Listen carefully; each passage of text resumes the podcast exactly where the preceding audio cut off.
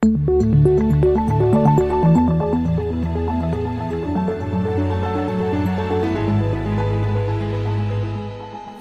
This Morning.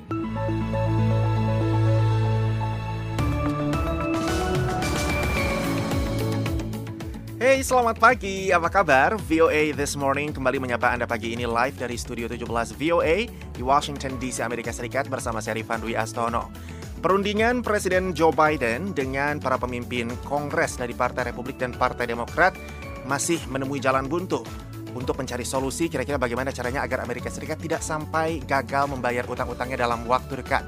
VOA akan terus mengikuti perkembangannya dan melaporkan untuk Anda. Tapi seperti biasanya, redaksi VOA juga sudah menyiapkan serangkaian berita hangat dari Indonesia dan mancanegara pagi ini dalam edisi Rabu 10 Mei 2023. Presiden Jokowi menyambut Perdana Menteri Timor Leste Taur Matan Ruak yang pertama kalinya menghadiri konferensi tingkat tinggi ASEAN. Dan Bapak Presiden menyampaikan bahwa selama keketuaan Indonesia ini, roadmap untuk Timor Leste agar menjadi anggota penuh akan disepakati. Beberapa tempat penampungan migran di perbatasan Amerika Serikat dan Meksiko melaporkan bahwa kapasitas mereka sudah penuh. It is made of two little blankets. This one we brought from Tehuchitlan. Siaran ini juga bisa Anda simak secara live streaming di situs kami www.voaindonesia.com atau dengarkan kapan saja melalui podcast VOA This Morning di platform podcast langganan Anda. Sekarang kita simak dulu berita dunia pagi ini. Inilah berita dunia VOA Washington. Dewan juri memutuskan Donald Trump bertanggung jawab melakukan serangan seksual terhadap kolumnis majalah E. Jean Carroll pada tahun 1990-an dan memfitnahnya dengan mencapnya sebagai pembohong. Keputusan itu diambil pada Selasa dan menjadi pukulan bagi sang mantan presiden yang sedang berkampanye untuk kembali ke Gedung Putih.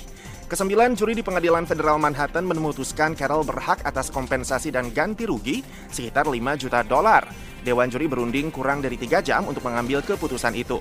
Mereka menolak penyangkalan Trump bahwa ia telah menyerang Carroll secara seksual dan mengabulkan tuntutan sang kolumnis. Untuk memutus Trump bertanggung jawab, juri beranggotakan enam pria dan tiga wanita itu diminta untuk mengambil keputusan dengan suara bulat. Carroll menuduh Trump memerkosanya di sebuah ruang ganti pakaian di sebuah pusat perbelanjaan 20 tahun sebelum Trump menjadi presiden. Trump lantas memfitnah Carroll dengan menyangkal kejadian tersebut dan menyebutnya sebagai hoax. Pengacara Trump, Joseph Takopina, mengatakan kliennya akan mengajukan banding. Masih dari Amerika Serikat, Presiden Amerika Serikat Joe Biden akan menjadi Presiden Amerika pertama yang sedang menjabat yang mengunjungi Papua Nugini bulan ini. Kunjungan itu dilakukan setelah menghadiri pertemuan G7 di Jepang sebagai investasi Amerika di kawasan Pasifik untuk menghadapi Tiongkok. Juru bicara Gedung Putih, Karine Jean-Pierre, mengatakan Biden akan bertemu dengan Perdana Menteri Papua Nugini James Marape dan pemimpin Forum Kepulauan Pasifik lainnya. The leaders will discuss ways to deepen cooperation on challenges critical to the region and to the United States, such as combating climate change, protecting maritime resources, Para pemimpin akan membahas cara memperdalam kerjasama dalam menghadapi tantangan-tantangan penting bagi kawasan dan Amerika Serikat, seperti memerangi perubahan iklim, melindungi sumber daya maritim, dan memajukan pertumbuhan ekonomi yang tangguh dan inklusif, katanya. Papua Nugini sedang didekati oleh Tiongkok serta Amerika Serikat dan sekutu ketika Marape berusaha meningkatkan investasi asing. Presiden Tiongkok Xi Jinping sudah mengunjungi negara itu pada 2018.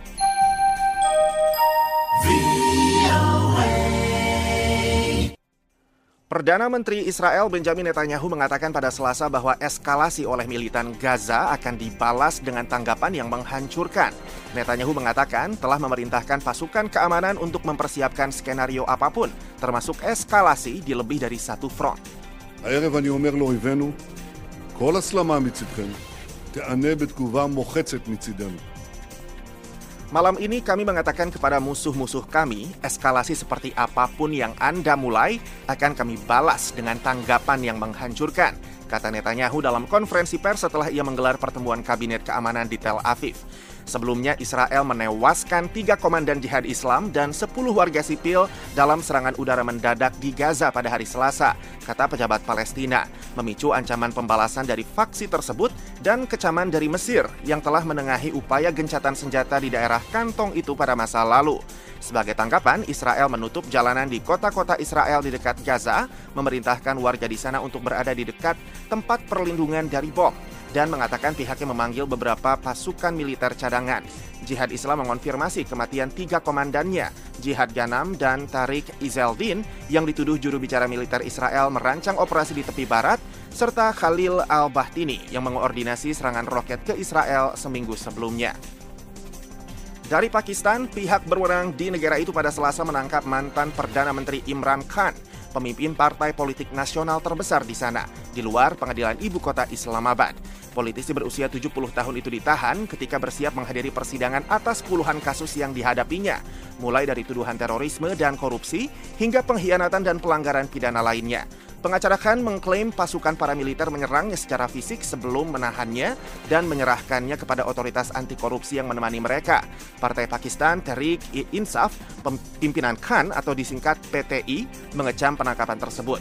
Menteri Dalam Negeri Pakistan Rana Sanallah mengonfirmasi penangkapan Khan, menyangkal tuduhan serangan fisik dan mengatakan kepada media massa setempat mengenai kasus korupsi yang menyeret tokoh oposisi itu.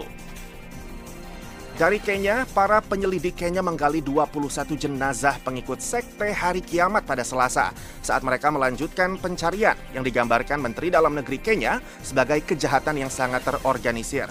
Paul Mackenzie, pemimpin Good News International Church, telah ditahan karena dituduh memerintahkan para pengikutnya untuk membuat anak-anak dan diri mereka kelaparan agar dapat pergi ke surga sebelum kiamat. Jumlah korban tewas totalnya menjadi 133 orang. Demikian berita dunia VOA Washington.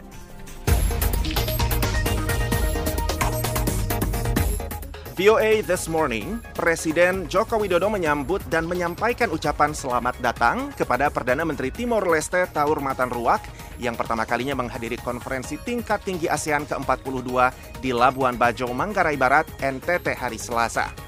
Menteri Luar Negeri Retno LP Marsudi mengatakan pada hari pertama rangkaian acara KTT ASEAN ke-42, Presiden Jokowi mengadakan pertemuan bilateral dengan Perdana Menteri Timor Leste Taur Matan Ruak. Ada beberapa hal yang dibahas yakni isu-isu terkait keketuaan Indonesia kali ini. Jokowi berharap Timor Leste akan segera menjadi anggota penuh ASEAN. Dan Bapak Presiden menyampaikan bahwa selama keketuaan Indonesia ini roadmap untuk Timor Leste agar menjadi anggota penuh akan akan disepakati dan mengharapkan agar Timor Leste dapat segera memenuhi kriteria-kriteria yang ada di roadmap yang besok akan diadopsi sehingga akan dapat menjadi anggota penuh ASEAN. Selain itu, kedua pemimpin negara juga membahas berbagai kerjasama perekonomian, terutama di wilayah perbatasan kedua negara. Guna mewujudkan hal tersebut, Jokowi dan PM Timor Leste telah sepakat untuk membentuk Joint Working Group yang akan mempersiapkan pengembangan kawasan ekonomi di perbatasan kedua negara. Indonesia, kata Menlu, mengusulkan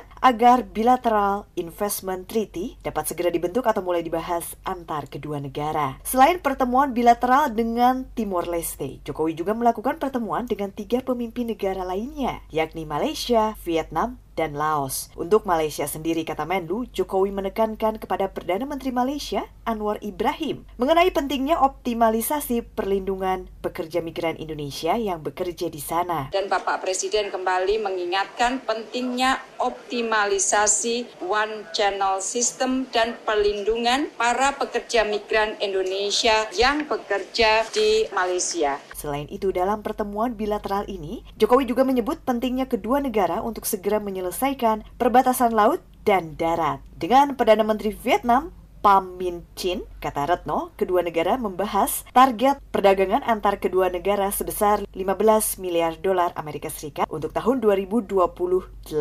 Kedua pemimpin negara, kata Retno, juga sepakat untuk meningkatkan kerjasama di bidang energi baru dan terbarukan. Keduanya juga sepakat menyelesaikan pengaturan pelaksanaan dan proses ratifikasi terkait selesainya perundingan zona ekonomi eksklusif antar kedua negara. Terakhir, Jokowi juga melakukan pertemuan bilateral dengan Perdana Menteri Laos, Soneksai Sipandon Dalam pertemuan ini, Jokowi dan Perdana Menteri Laos membahas pentingnya peningkatan kerjasama untuk memberantas perdagangan manusia di kawasan ASEAN. Dari Jakarta, Gita Intan melaporkan untuk VOA Washington.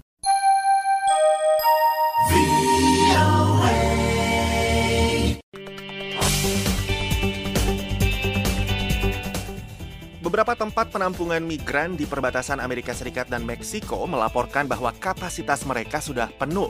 Di Reynosa, kota kecil Meksiko di perbatasan dengan Texas, beberapa lembaga swadaya masyarakat terlibat membantu para migran. Pastor Hector Silva mengoperasikan tempat penampungan untuk imigran di Reynosa, Meksiko yang mengatakan aliran orang yang tiba di perbatasan Texas Meksiko ini tiada henti-hentinya. Bueno, ahorita lo que estamos viendo están entre Setiap hari antara 400 dan 450 orang tiba di sini. Pejabat mengatakan jumlah migran yang datang dari seluruh dunia membludak. Jumlah mereka meningkat diperkirakan akan terus meningkat setelah pembatasan masa pandemi yang dikenal sebagai Title 42 akan berakhir pada 11 Mei. Hector Silva adalah direktur tempat penampungan Senda de Vida. Tenemos familias chinas que me sorprende mucho cómo están llegando. Yang datang ada keluarga Tionghoa yang sangat mencengangkan saya. Bagaimana mereka sampai di sini? Ada keluarga Chechen dari Rusia dan keluarga dari seluruh dunia. Kapasitas tempat penampungan yang terbatas memaksa sebagian keluarga berkemah di jalan. Seorang laki-laki migran dari Honduras mengungkapkan bagaimana ia mendirikan kemah. It is made of two little blankets. This one we brought from Tehuchitlan. Ini terbuat dari dua selimut kecil. Ini kami bawa dari Tejucitan. Dan ranting yang kami tegakkan dan kain-kain lain yang kami rapatkan dengan batu-batu. Sebagian migran yang beruntung mendapat tempat di penampungan namun berdesak-desakan di dalam kemah. Sebagian lainnya tidak mendapat tempat, tinggal di mana saja dalam kondisi yang buruk. Gladys Canas adalah relawan dari Asosiasi Aidan Doles A Triunfa. En casas abandonadas, en, en carros abandonados, en la Di dalam rumah-rumah yang kosong, dalam mobil, di jalan, tidak ada tempat untuk menampung mereka. Bahkan di dalam kamar kemah-kemah yang tersedia sudah tidak cukup lagi. Di dalam dua tempat penampungan Senda de Vida di Reynosa, populasi migran sudah melampaui 8.500 orang, menurut pengelolanya. Gedung Putih mengatakan pihaknya berencana mengirim 1.500 tentara untuk membantu tugas-tugas administrasi dan memberi dukungan lain kepada Badan Bea Cukai dan Perlindungan Perbatasan AS yang menangani arus migran ini.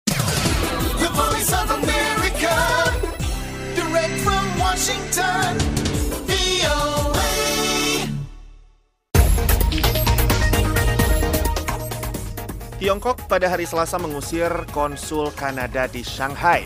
Ini adalah langkah balasan setelah Kanada mengusir diplomat Tiongkok yang berbasis di Toronto yang dituduh mengintimidasi seorang anggota parlemen. Tiongkok dan Kanada saling usir diplomat pekan ini. Aksi ini meningkatkan ketegangan hubungan bilateral yang sudah tegang di tengah kekhawatiran akan pengaruh Tiongkok di Kanada. Kementerian Luar Negeri Tiongkok selasa menyatakan Jennifer Lin Lalonde, konsul di Konsulat Jenderal Kanada di Shanghai, sebagai persona non grata. Mereka memintanya keluar dari Tiongkok sebelum Sabtu 13 Mei. Juru bicara Kementerian Luar Negeri Tiongkok Wang Wenbin dalam jumpa pers Selasa mengatakan pengusiran tersebut adalah tindakan balasan terhadap tindakan tidak masuk akal Kanada. 这是中方维护自身合法权益之举，完全正当和必要。 Ini adalah langkah Tiongkok untuk melindungi hak dan kepentingannya yang sah. Langkah ini dibenarkan dan perlu. Kanada Senin mengusir diplomat Tiongkok Zhao Wei atas tuduhan campur tangan urusan dalam negeri Kanada. Ia dituduh menarget anggota parlemen Kanada Michael Chong, anggota parlemen konservatif dan pengkritik perlakuan Tiongkok terhadap minoritas Muslim Uighur di provinsi Xinjiang.